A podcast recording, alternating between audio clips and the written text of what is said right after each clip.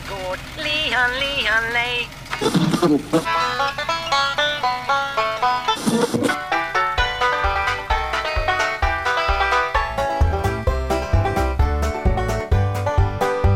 Hej och välkomna till Bondepraktikan.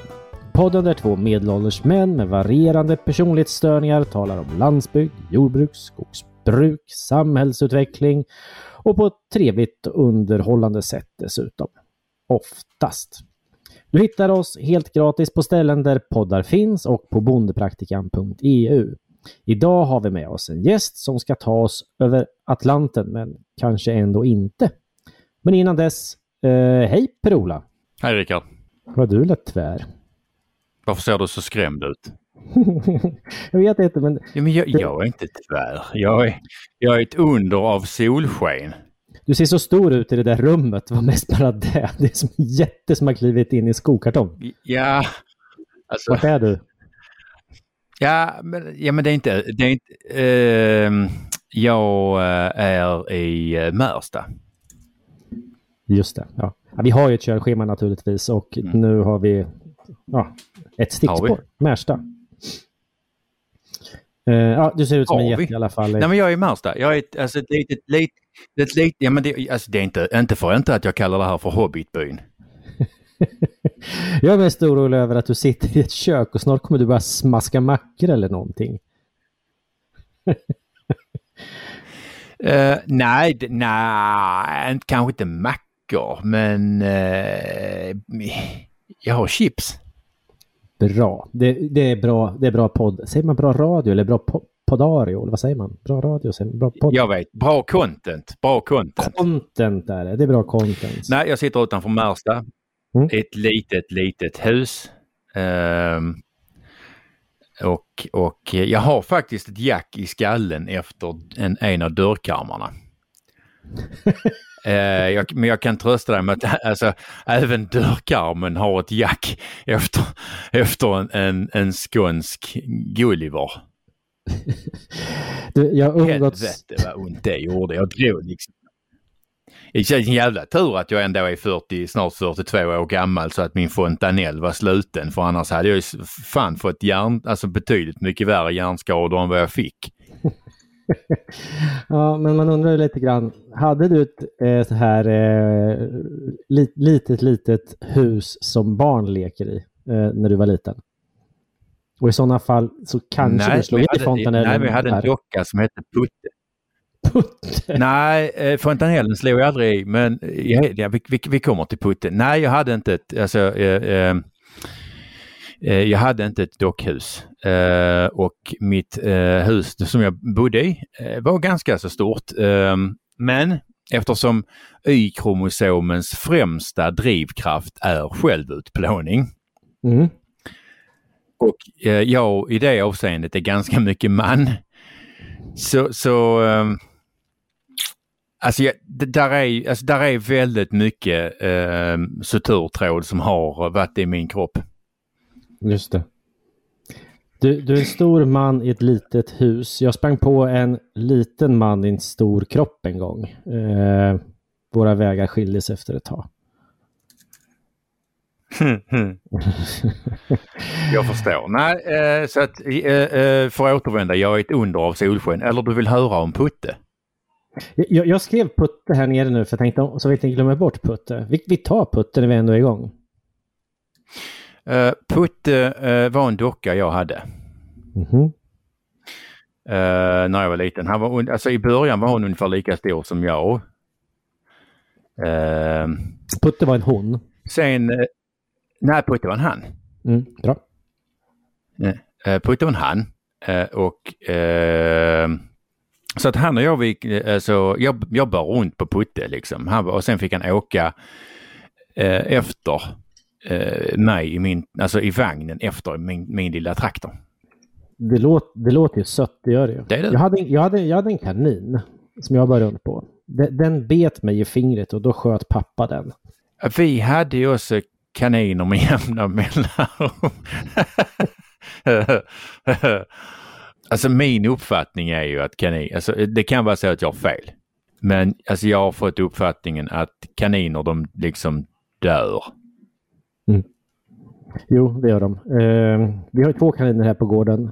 De dör mest hela tiden. Eller ett par har dött i alla fall. Nu senast så var det en som låg och sov och, och, och vår dotter skulle gå och klappa på den och då var den alldeles kall och stel. Och då blev det lite jobbigt en period.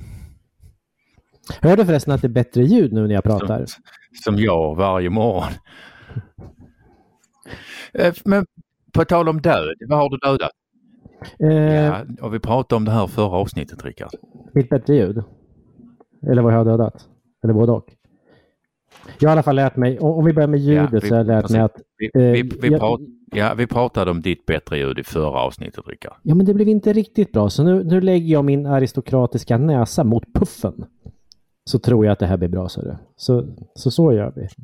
Det är en ganska stor näsa, så att det blir nog lagom. Okej, vad har du nu gjort då? Jo, eh, nej, men döden han, för, döden han före mig. Eh, eh, hittade en bagge som hade gått och dött knall och fall. Jättetråkigt. Eh, han var visserligen ganska gammal och saknade en hand. Han hette Croissant, tror jag i alla fall. Um, så nu är värde noll på mm. den tyvärr. Jag hade tänkt att byta den baggen med eh, familjen Johan Pensars bagge ut på löpare. Uh, så han mm -hmm. kunde väl ha hållit sig vid liv tycker jag en tre, fyra veckor till. Uh, men icke. Precis tills du hann byta honom? Ja, det, det brukar vara så. Det var en jävligt dålig stil av baggen. Ja, jag är förbannad fortfarande. Men alltså å andra sidan, jo, jo, Johan är ju inte jätteduktig på lantbruk så att alltså, du kanske bara kan säga att baggen sover. ja, den sover och luktar illa i sådana fall. Ja, nej, så att jag, jag blev lite ledsen och lite arg och sådär. Och, och apropå arg, vad är du arg på? Greta Thunberg. Eh, mm. Vänsterpartiet, Centerpartiet och eh, alltså det var någonting till. Fast vi, alltså vi, vi, vi, kan nöja oss med Greta Thunberg, kanske eventuellt lite Centerpartiet också. Mm. Och lite mer, ja, nej men vi tar, okej. Okay. Greta Thunberg. Eh, Greta Thunberg är ju eh, ett sött litet barn som ehm, Nej, men alltså, alltså, först, först var det ju liksom klimat. Alltså innan klimat, eller vad ska vi säga under tiden som klimat, så försökte hon ju även ge sig på det här med djuret. Um, och nu, nu är hon ju uppe i, i, i någonstans i Norrland och uh, demonstrerar mot någon gruva. Just det. Beowulf, just det. Uh, så att nu är det no, alltså samer och helvete. Uh, men, alltså det, alltså man, alltså det där, det där liksom hattandet mellan ämnen Mm. Att alltid liksom försöka ha någon form av, alltså vad ska jag säga, att, att kapitalisera den för dagen mest gångbara eh, åsikten. Mm. Och på det viset försöka hålla sig aktuell. Det gör ju att, att Greta Thunberg, hon är liksom som en mini-Gudrun Schyman. Ja men alltså Gudrun Schyman, det är, alltså vad fan, alltså först var, jag menar hon är ju inne på typ tredje partiet nu som hon, först var det ju Vänsterpartiet eh, och sen så, blev, så startade hon ju Fi. Vilket var, menar, alltså Gud Schyman är ju en enormt duktig politisk entreprenör. Alltså hon, hon har ju jag råkar bo i samma kommun som hon, hon gör så att eh, och hon är dessutom invald i min kommun så att alltså vad ska vi säga, politik har hon ju inte ett enda jävla koll på. Hon har, alltså, eh, kommunpolitik har hon ingen som helst aning om och mötesteknik och hur man egentligen beter sig i plenum är helt värdelös på. Däremot har hon ju en enormt bra näsa för eh, att hitta eh, marginaliserade grupper som ingen lyssnar på av naturliga skäl och sen ta deras pengar. Först var det ju liksom, gjorde, man har startat en feministiskt initiativ, bla bla bla bla bla bla och nu så är hon och Anders Wikman ute och ska starta Klimatalliansen. Och jag är en varm anhängare av det här för att tänk vilken fantastiskt bra grej det blir när Eh, eh, klimatalliansen kan få 3,5 procent. Feministiskt initiativ får 3,5 procent. eh, och Miljöpartiet 3,5 procent. Men de slåss ju om samma väljare. Det här är helt fantastiskt. Mm. Det är bra för Sverige. Ju, alltså, menar, det är det, ja, exakt. Det här är första, alltså, det är alltså första gången som någon faktiskt säger att Gudrun Schyman är bra för Sverige. Och Anders. Är hon bra för Anders? Nej, Anders gör någonting som är bra för Sverige också. För första gången. Bikman? Jo. Ja. Jag gjorde en ja, sån han, här... har ju, han har ju varit i ännu fler partier än tre. Hur många partier har han liksom harvat igenom. Alltså det är ju helt fantastiskt med Anders Wikman. Alltså varenda gång man eller där det är någon, någon, någon, eh, någon debattartikel så presenterar man nu debattörer från höger till vänster kräver och så är det 1800 stycken vänsterdebattörer och så Anders Wikman som bara för att han är med i Kristdemokraterna typ. jag, jag gjorde en uträkning på hans eh, klimat utsläpp baserat bara på flygresor fram och tillbaks till Bryssel. Han har ju varit där i, jag tror det var 10 eller 11 år och han åkte minst en gång i veckan fram och tillbaks. Dessutom med eh, begäran om extra benutrymme. Eh, och det slutade med att... Så jävla stor är han inte. Nej, det beror på vad man jämför Jag, jag fan stått sidan om honom.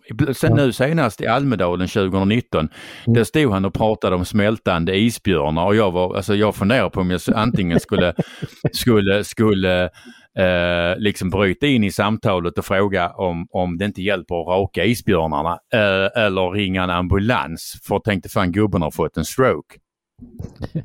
ja men precis. Eh, jag håller med dig. Jag, jag håller på med en övergång till vår gäst där. Eh, så jag fortsätter den övergången. Eh, om, du, om du kan vara tyst en liten stund bara. Eh, Tack så jävla mycket. ja, jo, så jag räknade hur, eh, ut, hur mycket koldioxid eh, som eh, han har, då har släppt ut baserat på bara de flygresorna. och kom fram till att om vi nu ska ha en personlig eh, utsläppspott på något sätt per år så hade han förbrukat en 600-700 år redan. Eh, så baserat lite grann på det så tycker jag att vi, ska vi inte ta och släppa in våran gäst? Vad säger du Per-Ola? Ska vi göra det? Jag tänker sitta här och vara tyst och sura. du som sötast då. Välkommen Karina Jölin. Vart det rätt nu på efternamnet förresten? Julin är ju mitt förnamn då, mitt första förnamn. Så att, men det, man får säga vad man vill, för jag blir inte sur. Nej. Vad, vad, det bra att säga så. Vad, vad, berätta själv vad jag borde ha sagt då, så att allting blir rätt. Nej, men du kan säga välkommen Julin, du kan säga välkommen Julin Karina. Du kan säga vad som helst. Alltså, jag är van att bli kallad allting. Det är så skönt med dig. Välkommen. Tack så hemskt mycket. Jag tycker, kan inte du börja med att berätta lite grann för poddlyssnarna vem du är? Det är så himla, det är så här värsta frågan tycker jag. Mm. När man sitter runt ett bord med typ åtta personer och får den frågan så tycker jag det är det värsta, värsta som finns. Vad ska man säga? Um, men jag är journalist och författare och um, specialiserad på landsbygdens frågor, får man lov att säga efter 20 år. Mm. Uh, sitter här i uh, Kilafors, jag har en liten hund i knät som hoppas att han håller tyst, som heter Mischa. Um, vad ska jag säga mer? Vad tycker du Rickard som känner mig? Uh, jag skulle säga att du är modig. Ja. Mm. Tillhör... alla, mina barn, alla mina barn är, mitt yngsta barn, jag har fyra barn, det yngsta barnet har fyllt 20, så nu är det liksom, nu kan man göra vad man vill. Jag, jag brukar säga att Karina är en av matriarkerna i min bekantskapskrets. Det tycker jag presenterar dig rätt väl på något sätt. Mm. Mm. Det, är, eh, det, det är fint, tack så mycket. Det, det behövs eh, det var Alexander Bard som sa det första gången, att det behövs matriarker. Mm. Och, och, det är ju extremt eh, sant faktiskt. Så jag, jag, tog det till mitt hjärta när han sa det. Jag tänkte jag, shit, vad ska jag göra? Jag borde vara en matriark. Vad, vad är det första jag borde göra? Och så vidare. Just det. Mm. Och, och, idag så tänkte jag att vi ska försöka prata lite grann om ditt andra hemland. Mm. Om Kanada. Kanada. Ja. För det händer ja, rätt mycket precis. grejer där ute. Jag är just nu eh, nästan inne i, alltså jag är uppe på nätterna för att följa allt som händer i Kanada, gjort den sista veckan. När eh. besökte du Kanada först? Första gången du kom till Kanada? Första gången? Mm. Det måste ha varit, eh, jag måste ha varit 28 år och nu är jag 60 år. Ehm, det var första gången Eh, då på ja, jag, jag, kan inte säga årtal, vilket årtal det var, 80-talet i alla fall. Och eh, då åkte jag över för att hämta, fira jul i Kanada och hämta min eh, ja, blivande man då, som, som då eh, ja, kanadensare helt enkelt. Vi hade träffats i Stockholm och han hade åkt tillbaka till Kanada för att söka uppehållstillstånd. Ett halvår senare så åkte jag dit och firade jul och så åkte vi till Sverige tillsammans. Mm. Så, så, så, det var länge sedan. Och sen har jag varit där fram och tillbaka i, i alla år. Jag har också bott i Kanada i fem år och varit där liksom längre perioder. Och även när jag är i Sverige så jobbar jag ganska mycket med Kanada. Alltså jag har skrivit två böcker bland annat med, eh, som handlar om ursprungsbefolkningen så jag är väldigt mm. engagerad i den frågan. Landrättigheter, lokala människors rättigheter till sin egen mark. Och eh, ja, för att koppla det till Sverige då så tycker jag att vi har ungefär samma frågor här. Mm. Eh, med vad skogsägare råkar ut för här. Det är ingen st större skillnad mot vad man har gjort mot indianerna i Kanada, bara att man har behandlat indianerna betydligt sämre förstås. Mm. Men eh, ändå, det är besläktade frågor. Vadå, så du, du, du, känner igen dig hur man har behandlat, eh, hur man behandlar skogsägarna med hur det var där? Förlåt, vad sa du nu igen? Så, så det, det, finns en koppling mellan skogsägarna här och hur man behandlade sina... Behandlar.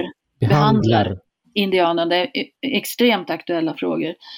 Eh, ja, det är ju alltså människor som har en mm, urgammal Eh, kärleksfull kon kontakt och connection med sin, med sin omgivande natur och sitt land och sin, sin eh, marken. Alltså, man pratar mycket om the land, alltså hur man kopplar till the land i Kanada. I, i, den, i och, och, det, är samma med, det är samma med i Sverige, vi är också ett slags eh, naturfolk med djupa, djupa rötter. Jag kommer från Hälsingland, här har folk bott i tusentals år eh, och har stark koppling till naturen och till sin mark.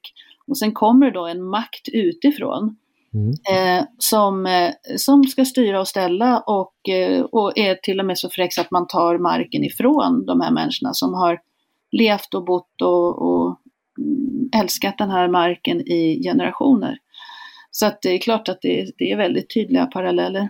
Ja, nej men jag ser väl dem också. Perola, ser du också kopplingen? Jag ser kopplingen. Ja, vad bra. Jag vill också Men jag är fortfarande arg på dig. Jag ville bara dubbelkolla så att du var kvar. Precis, jag tänkte säga, vad bra, då får du vara kvar. Ja, men jag sitter och, jag kan, jag kan, jag kan lyssna. Ja, ja nu vet vi det. Nu får du vara med jag menar, för en gångs skull, menar, men alltså Karina, jag menar, alltså, men det, men det, hon har ju något till skillnad från dig något vettigt att säga. Ja, jo men det är därför vi ska lyssna. Ja, ja och det är det jag gör. Ja. Ja. Ja men det är bra ja. att du lyssnar. Ja. Men då finns det en koppling däremellan då, eh, som du har sett, eh, som på något sätt har drivit din journalistiska gärning då eller? Ja, det har du ju gjort eftersom jag har ju skrivit en bok eh, där jag har, eh, faktiskt med dig, dig Rickard, du har ju skrivit en bok om, som handlar om skogen och skogsägare och deras kärlek till sin, sin mark och mm. sina träd och så. Mm. Så det har jag absolut gjort och sen eh, genom att jag också har, jag har också, eh, nu är det väl ett och ett halvt år sedan som min bok som heter Vargen och statsmakten kom ut. Mm. Det är ju, den frågan är ytterst besläktad. Eh, mm. Det är ju också hur en, hur en, en, en makt långt därifrån bestämmer hur enskilda människor på landsbygden ska ha det. Och där finns det också väldigt intressant Ska vi gå in på det? Där finns det också en väldigt koppling, intressant koppling till indianerna. Men det tycker jag. Gå in på det. Jag säga det. Ja.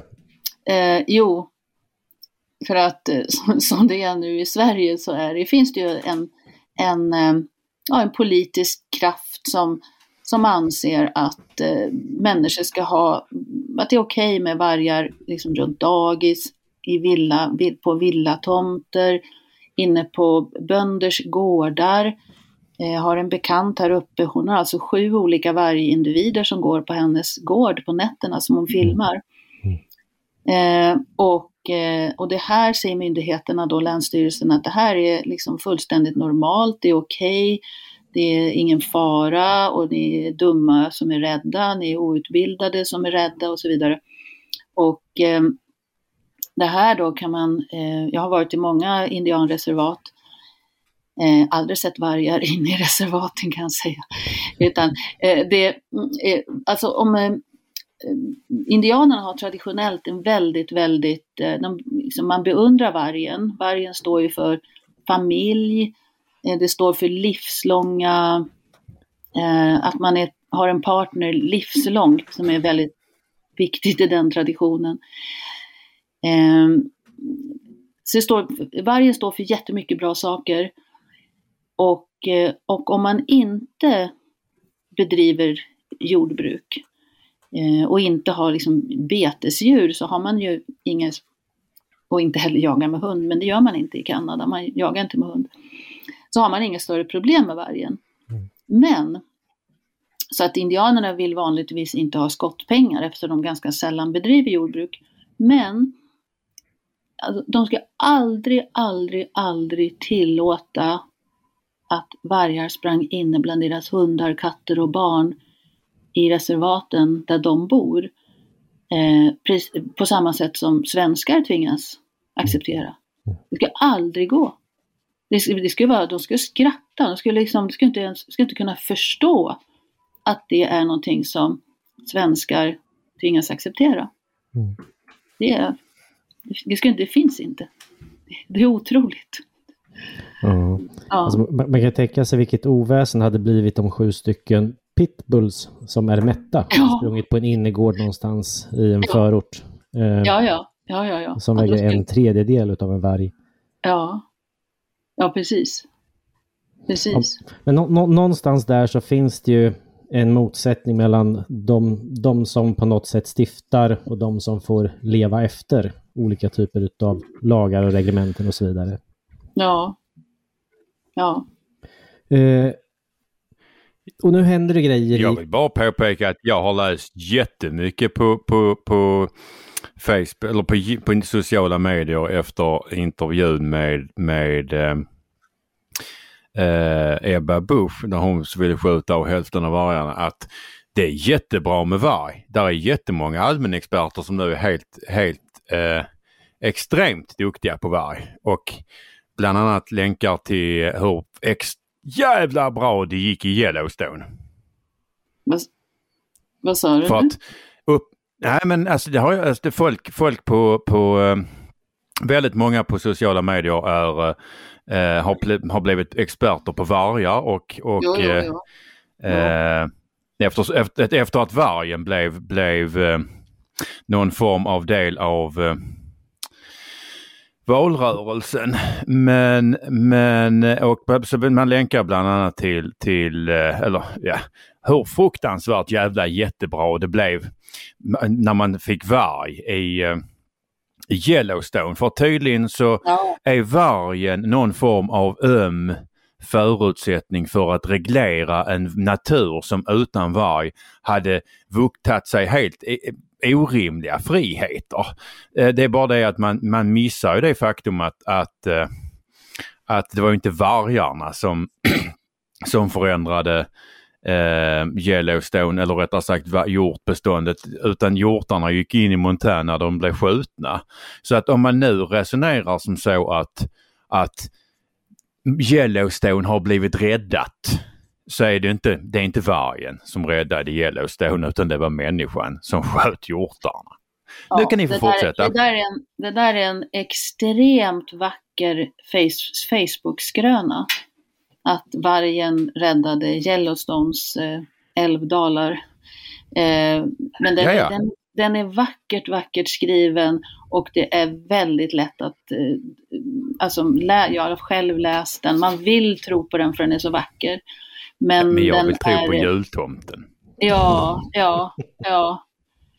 Ehm, ja, Men precis. Det, där Vet vi, jag bara... vem, vet, vet, vet vi var den här dy- alltså vem, vem, vem, vem kom på den här dyngan ifrån början? Alltså, jag har inte lyckats spåra det längre tillbaka än George Monbiot och han har ju aldrig kommit med något vettigt i hela sitt liv. Inte för att det spelar någon större roll. Men fortsätt prata om Kanada och vargar. Ja. Eh, jag bara fastnade på pitbulls när du sa det där. Jag hade, jag, jag råkar ha en liten pitbull här.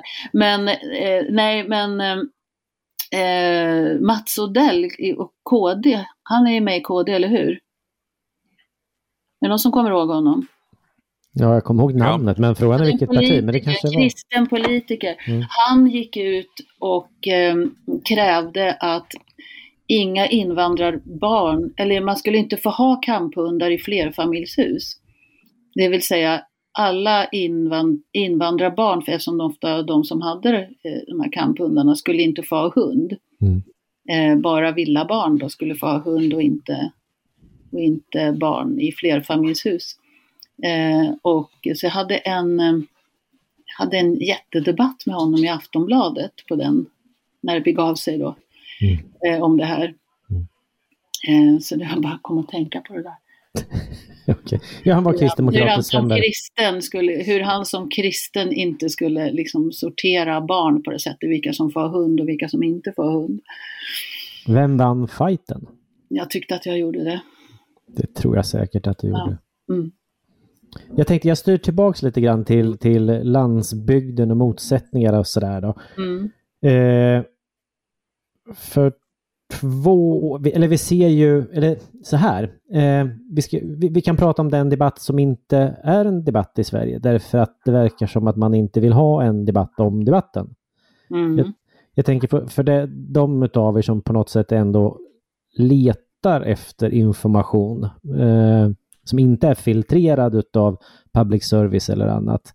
Eh, det är inte svårt att hitta att det är en konflikt i Kanada och att eh, stora lastbilskonvojer som åker. Ja. Kan du ta oss tillbaks i tiden, kanske två år eller någonting, eh, till själva starten? Hur, hur, hur startade detta? Nej, För jag vet att du, starten- du kan bakgrunden. Ja, ja, ja. Nej, men alltså det är, dels är det ju, alltså för mig personligen så har ju Kanada alltid varit liksom eh, hoppet och friheten och där kan man åka, man känner hur taket lyfter och man kan tänka och säga och det, det är bara en helt fantastisk eh, plats att vara på. Frihet.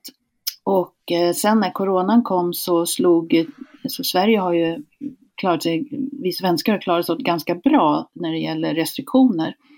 Men Kanada har gått bärsärk. Det har blivit en polisstat, en riktig polisstat under två år. Och eh, eh det är fortfarande egentligen då. Eh, där man alltså bötfällt två damer för att de åkt bil tillsammans. Man får polisrazzior i dollarstoraffärer. Man har begränsat hur mycket folk får ha. De får inte träffa folk i sitt eget hem. Eh, eh, man har separerat, man har Eh, eh, och, alltså, en förfärlig situation. Och jag har varit så bottenlöst sorgsen som känt att Kanada har fallit. Har jag känt under två år. Eh, vad som hände nu för en vecka sedan, eller rättare sagt, de har infört vaccinpass och väldigt många människor har förlorat jobbet. Lärare, sjuksköterskor, massor av människor har förlorat jobbet för att de har eh, inte velat eh, ha vaccinpass helt enkelt. Mm. Eh, och eh, sen så skulle man kräva vaccinpass för att för gränsövergången mellan USA och Kanada, det är väldigt mycket handel mellan de här länderna, många lastbilar åker vid gränsen och den viktigaste gränsen är mellan Alberta som är den provins eh, där vi bodde och där jag har varit mest och eh, eh, Montana och där fraktar man varor ner mot Mexiko och så vidare. Eh, sen har man haft undantag från det här kravet på vaccinpass eh, och man har skickat ut re- till regeringen, nu blir det vaccinpass, nej det blir inte vaccinpass. Och plötsligt så blev det vaccinpass från, jag tror det var 15 januari. Och då blev trackers riktigt eh, förbannade. Eh, eh, så de började protestera mot det här. Mm. Och ehm, har alltså tagit, det, eh, det var inne i, eh, vad ska man säga, det som gjorde att man satte igång en lastbilkonvojer över, som åkte över hela Kanada eh, ända mot till huvudstaden Ottawa och landade där i lördags för en vecka sedan. Ehm, och har alltså belägrat staden med lastbilar. Mm. Eh, kanadensare är av traditionen extremt hyggligt folk. De är så artiga, de är världens artigaste folk. De är stolta över att vara planetens trevligaste människor. Det är deras nationella självbild. Eh, så att det här sker ju då oerhört trevligt förstås. Eh, det är inget våld utan eh, de, de har sina lastbilar och de tutar. Och tuta på engelska heter ju honk. Så att hashtaggen Hongkong är, eh, krigar man med på Twitter eh, och försöker att ha den eh, som topp. Eh, det här har, eh, nu är det helg nummer två och eh, det har spridit sig till flera andra kanadensiska städer och där åkte lastbilarna in eh, i, i, ja, på lördagen. Och mm. de har fått hjälp av eh, bönder har anslutit sig, fått massor med traktorer inne i städerna och eh, protesterar mot vaccinpass och protesterar, eh, kräver att alla restriktioner, coronarestriktioner ska upphöra omedelbart.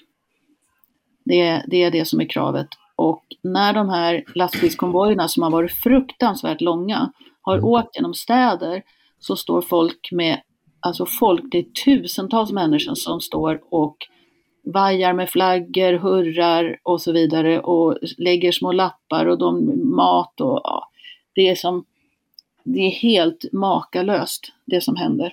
Helt makalöst. Det heter Freedom Convoy. Vad, vad var det för gäng som drog igång det här då? det var lastbilschaufförer mm. i, i, eh, i, vid den här gränsen, Alberta då. Och det är en kvinna som kallar sig Meti. Hon är, Metis är en ursprungsfolkgrupp i Kanada som är ättlingar till eh, ja, europeiska män och eh, kvinnor från ursprungsbefolkningen, alltså indianer då. Mm. Så de här är erkända som en, en folkgrupp. Eh, hon kallar sig Meti och eh, Eh, så hon har det ursprunget och eh, så hon leder detta tillsammans med en man då med judisk ursprung. Och det här råkar jag bara säga, jag gillar inte egentligen att hålla på att benämna folk vad det är för människor, men, men jag nämner det bara därför att eh, eh, det finns många som har sagt att den här konvojen består av eh, ja, white supremacists och rasister och alla möjliga och så vidare. Men, men eh, så att eh, för att stävja då beskyllningarna nu så är det stora, eh, vad säga, väldigt många på sociala medier som går ut, alltså färgade, araber, eh, människor, invandrare från de forna kommunistländerna, eh, massor. Kanada består ju av ett, eh, ett invandrarland. Mm. Det är mångkulturellt. Och eh, eh, alla möjliga sorts människor deltar i de här protesterna för frihet och mot vaccinpass helt enkelt. Senast som hände idag, det var att 300 hästar gick ner till gränsen med ryttare. För att stödja, man har ju stängt gränsen mellan, mellan Alberta och Montana. Så eh, lastbilschaufförerna håller gränsen sedan en vecka. Det, det är väldigt mäktigt att se de här filmerna när det kommer lastbil på lastbil på lastbil med eh, kanadensiska flaggan. Och premiärministern är ju borta. Han har ju flytt huvudstaden.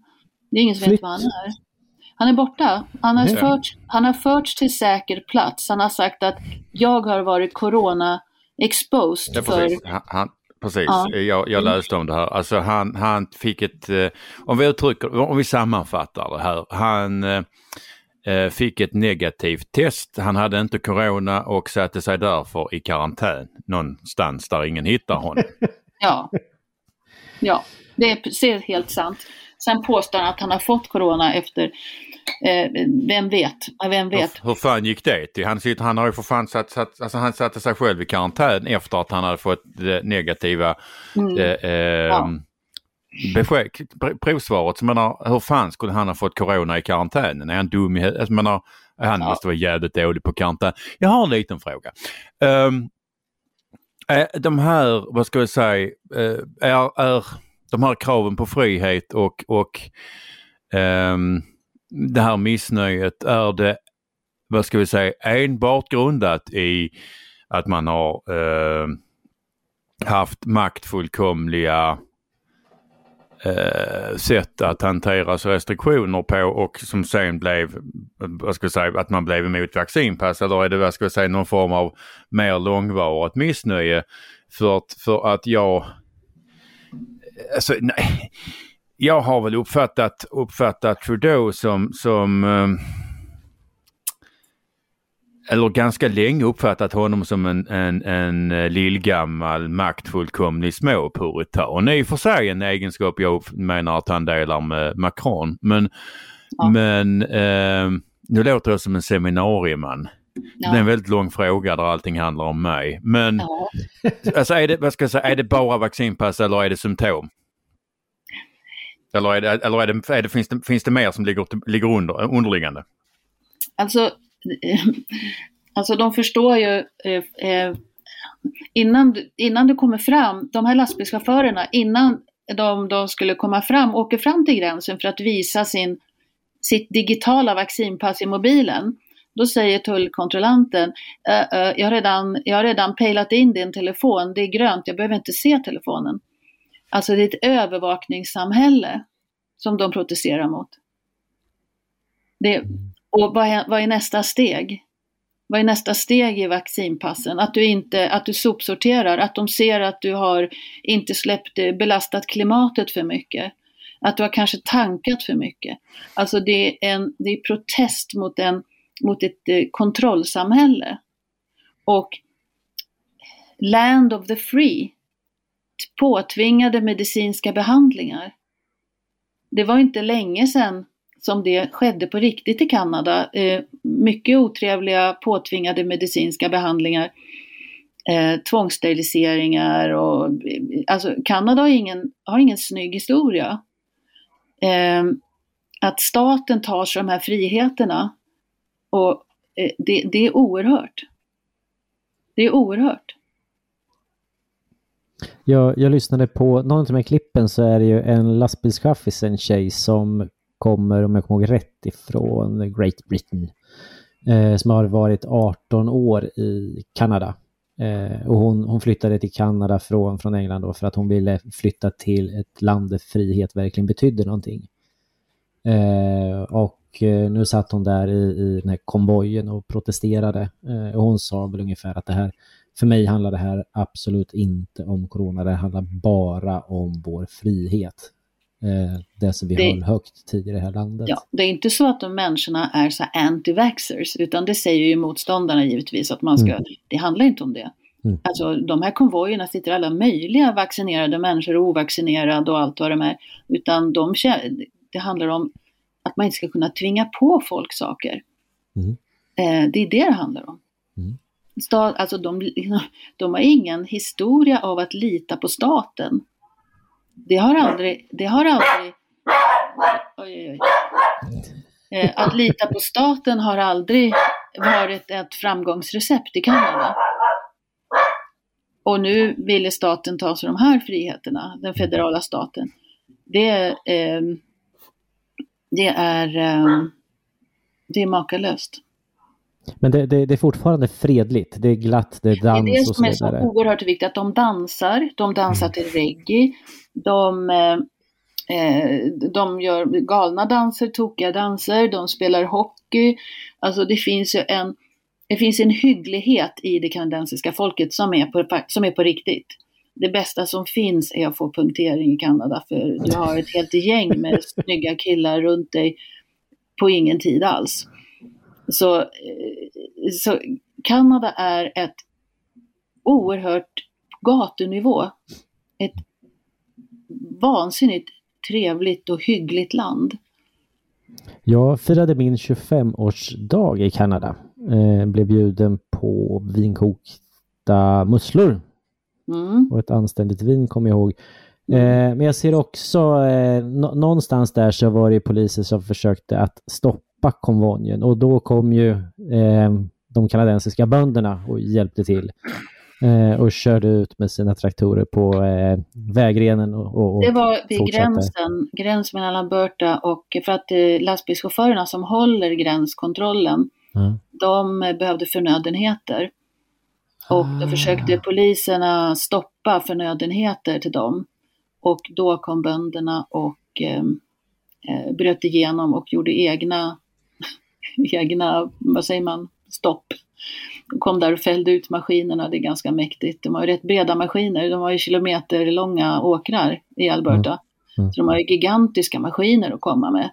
Och så fäller de ut dem, det ser ut som en skräckfilm på, på, på bio, när liksom eh, såna här eh, levande bilar, eller vad ska jag säga, det är så stora spindlar när de fäller ut maskinerna.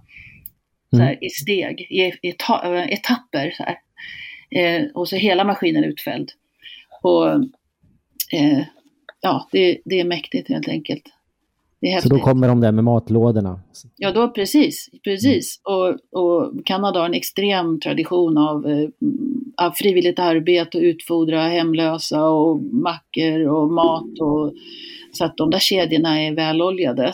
Och det är de som, eh, det, det är det också, befolkningen åker ju för att eh, mata de här lastbilschaufförerna. När de sover i sina bilar, när de vaknar, då har de fullt med mat på motorhuven. så så ja, det är eh, faktiskt otroligt. Men vi, vi, vi ser ju det här i Kanada. Eh, s- s- är det på flera platser runt om i världen som Ja. inte rapporteras om till Sverige? Ja, det är väl det. Jag har, jobb, jag har jobbat som utrikesjournalist, eller jag har suttit som utrikesredaktör på Expressen i ett år och utrikesredaktör på Svenska Dagbladet i ett år. Så jag har jobbat med utrikesjournalistik. Eh, verkligen på djupet i två år i alla fall. Och eh, jag fattar inte med min... Eh, jag fattar inte att inte det här rapporteras. Det är obegripligt. Gud vad konstigt. Det, alltså, alltså att premiärministern försvinner till hemlig ort och lämnar sin post i huvudstaden. Mm. Eh, det är en världsnyhet. Mm. Det är en revolution som pågår. Det finns alla tecken av en revolution. Vi vet ju inte var den tar vägen. Men alla yttre tecken av en revolution är det faktiskt. Det finns alla de, de ingredienserna. Eh, så att det, sku, att det här skulle vara en nyhet inte värd att rapportera, det är ju helt otroligt. Det är Vad händer härnäst nu då? Stäng- Stänger de ner internet så att inte vi får ta del av det alls då, eller? Det, det som, alltså Nya Zeeland har ju en konvoj på nu. Eh, och där har de ju stängt av alla vägkameror. Där som man normalt sett kan kolla trafiken. Alla vägarna där lastbilarna åker eh, är liksom blanka. Mm. Eh, nej, det har spridit sig till många länder eh, som planerar konvojer eh, inom kort här. Vissa har, har de redan börjat och många åker bara för att stötta Kanada, för att stötta frihet och stoppa ett blivande kontrollsamhälle. Ehm, Är de på väg till Sverige än då? ja, ja, ty, ja, det har ju startat. Nej, men alltså det, det finns en... Eh, det var faktiskt idag någon sände mig en Facebook-länk till en Facebookgrupp. Så att eh, där, det, det planeras en i Sverige också. Som, och då är dieselpriserna med också.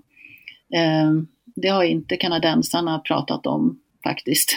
Dieselpriserna, för de har, nog, de har betydligt lägre dieselpriser än vad Sverige har kan jag garantera. Mm, de har det. Mm. Vi kan väl göra reklam för den Facebookgruppen. Vad, vad heter den? Konvoj någonting misstänker jag.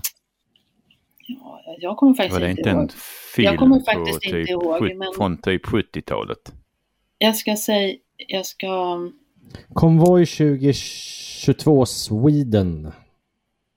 Ja, okej. Mm. Fan vad du har bra koll. Ja, jag hittade det här. Det, det var för att Karina sände till det. Jag, jag har gjort lite research. Ja. Jaha, Ja. ja, ja, ja okej, jaha. Mm. Ska man göra det också? Nej, det behöver man ju inte göra. Men jag, jag ringde ju Karina. Jag tänkte vi, vi kan ju som inte bara liksom koppla upp henne utan att ha ringt innan. Det Men blir hörru lite du- dåligt. Hörru du snygg Ja. bonde, du ringer ju mig innan du ska skriva om vargar i tidningarna. Ja, Eller hur? det är klart jag gör. Ja. Så att Det behövde ju bli rätt. jag tycker det är väldigt mycket samtal från er innan ni ska göra olika saker. Ja, men jag behövde, det behövde ju bli Jag har ju rätt. tänkt så här, jag ska kräva för att vara med i den där podden någon gång.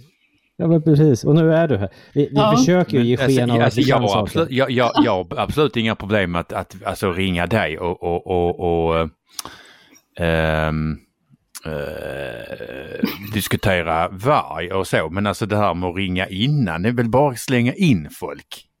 Ja, det, har, det har vi gjort De ska inte hinna, folk ska inte hinna tänka efter. Nej, det stämmer. Det stämmer. För när man har då blir det bara så tillrättalagt och tråkigt. Och då framstår jag ju som helt galen i sammanhanget. Ja, Ja. precis. Ja, så då, då, kan vi, då kan vi räkna med att det, det kommer någon typ av konvoj Facebookgrupp till Sverige. Ja, den fick ju snabbt, eh, tydligen blixtsnabbt eh, 30 000 medlemmar och det strömmar liksom. Så eh, jag bara hoppas, jag hoppas att ehm, eh, jag tycker gott att, att, att det kan vara en konvoj i Sverige också. Eh, jag bara hoppas att ehm, den liksom, kanadensiska hyggligheten följer med. Mm. Så att det blir snällt och trevligt, inkluderande, mångkulturellt, dans, trevligt och så vidare. Det är vad jag hoppas. Lite sång, lite dans, lite naket. Ja, det kan få vara. Det kan få Det vara. jag ser framför mig Per-Ola i bar överkropp dansandes någon snoa på Mynttorget. Har du inte Ja. sett Technovikingen på Youtube? Är det du? Nej, jag har inte så mycket skägg. Ja, Jesus. Ja, Ja, men okej, men, men eh, då- då är vi någonstans att eh, över hela världen Ja, så är det någonting på gång. Eh, ja. En, en bred protest för eh, frihet och mot eh, staters överdrivna kontrollbehov och mot påtvingade medicinska behandlingar. Mm. Givetvis. Mm. Mm. Så, Det är viktiga, det är liksom vikt, det är viktiga grejer. ja men definitivt. Men frihet är ju någonting som och jag pratar om här ganska så ofta. Eller det är väl Och kanske sen- en av grundpelarna Ja, i hela den här Ja, podden. och sen det finns ju underliggande här är ju också att det här är ju, det är ju, det är ju, det är ju landet som kommer till staden. Det är landsbygden. Mm. Truckdrivers, bönder Mm. eh, kommer till staden. Så det, det finns också en underliggande, eh, den här stad-land-konflikten är underliggande i det här.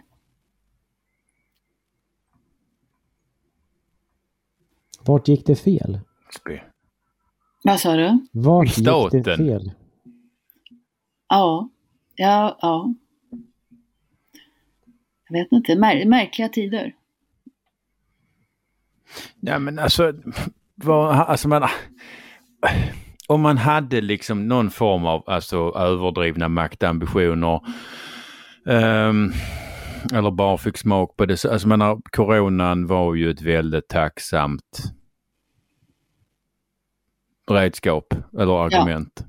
Ja, Jag menar, alltså det är väl klart som fan, men om man ska, alltså man har smittskydd är en sak, men maktfullkomlighet är en annan.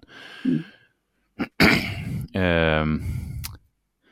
Så jag tror... Det var ju, alltså, åt, åt, över- alltså man, det, det har ju varit ett tacksamt svepskäl för många. Ja, så jag tror jag också att Kanada, om man, varför det här startade i Kanada, Kanada har aldrig, eh, det finns ingen som har lyckats eh, kontrollera Kanadas befolkning. Eh, det, för det första så är det ju, Kanada består av olika provinser som är väldigt självstyrande. Eh, Kanada har varit på väg att spricka många gånger, framförallt på grund av att eh, fransktalande Quebec i öst har velat bli självständiga. Och de anser sig också lite, lite, lite finare än övriga bondlurkarna i landet.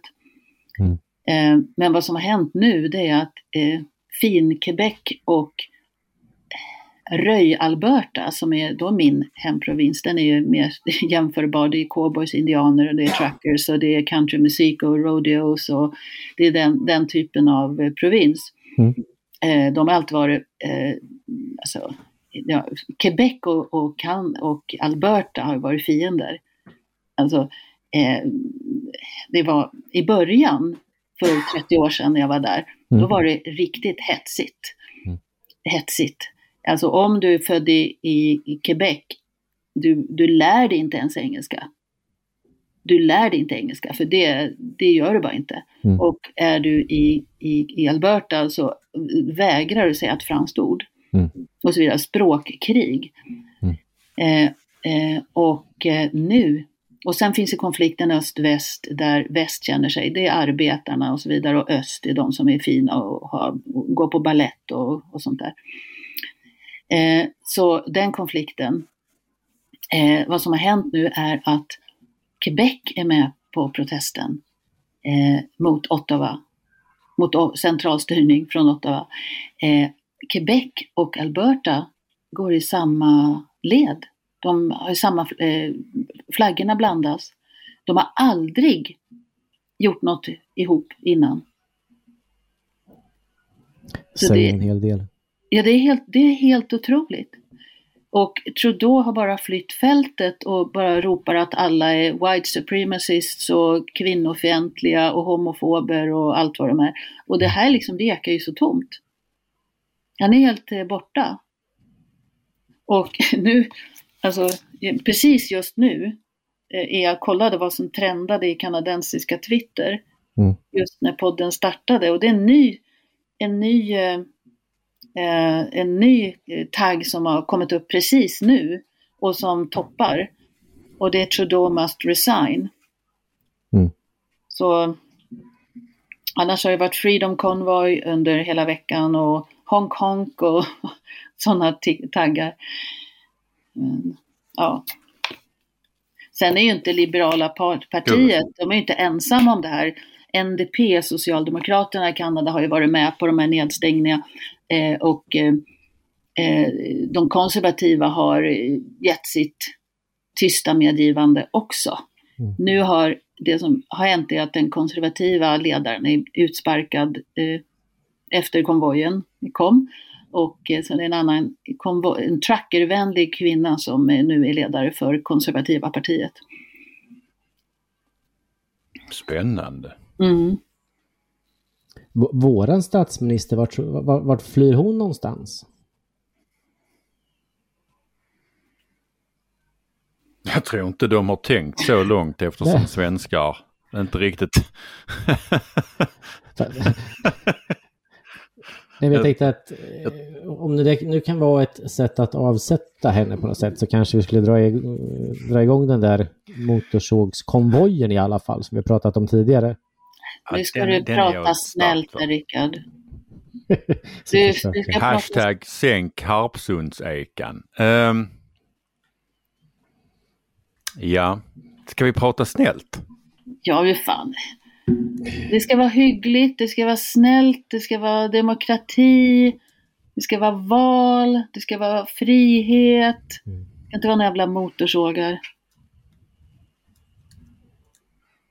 Men, men alltså, vi är snälla och vänliga. Jag är ju fan hur rumsren som helst nu för tiden. Mm. Jaha. Mm. Ja. Hyfsat i alla fall. Mm. Sjukt. Sjukt Alltså- rumsren. Ja, nej, men någon, någonstans så... Det minsta man kan begära är väl ändå liksom att det är läge att tänka till. Eh, vart är vi på väg någonstans? Eh, och kanske bara slå stopp i maskineriet för en liten stund. Och Alltså, fundera. Jag tror Alltså, att får jag bara- Alltså, ja, Karina. Får jag bara ursäkta mig, men så här, innan vi bara lämnar det här med vaccinpass. Tänk tanken vad Hitler hade gjort med, den, med det vapnet. Vad, hur hade han använt de här äh, möjligheten att, att, att, att ge sprutor till folk. Eh, hade judarna försvunnit på, med små olika sjukdomar och han hade löst sitt problem och, eh, han hade, och, och inte haft så dåligt rykte idag. Man vet inte. Mm. Man kan inte räkna att vi alltid kommer att ha snälla makthavare. Nej, det är väl en idioti att tro att vi alltid kommer ha en demokrati även i det här landet. Man vet inte, 500 år, 100 år, 10 år, man vet inte. Det kan hända snabbare än vad man mm. tänker. Mm. Ja. Det här var intressant. Ja men visst är det. Jag menar om, om mm. tio år så ska vi typ dö för att det är eh, något problem med, med koldioxidutsläpp eller någonting. Så att... du, ja. ja, aj aj. Men kommer du ihåg att Per Holmgren har förklarat att vi inte skulle ha något Vasalopp i år? Ja, för typ det. åtta år sedan. Ja. Blir det något Vasalopp i år? Ja. kanske du vet Karina? Nej, ingen aning faktiskt. Mm. Det snöar sin i helvete. Ingen aning. Mm. Men jag vet, men jag vet att när jag kom hem från Kanada 2008 då skulle det inte finnas någon snö 2018. Eller på kort, nej det var en, ja 20, 2015 tror jag snön skulle vara borta. Mm. För då skulle jag skriva i en barntidning att inga barn skulle, de barn som läste den tidningen skulle inte kunna åka skidor om några år. Mm. Men snö är ju ett jävla ofog som borde förbjudas. Nej.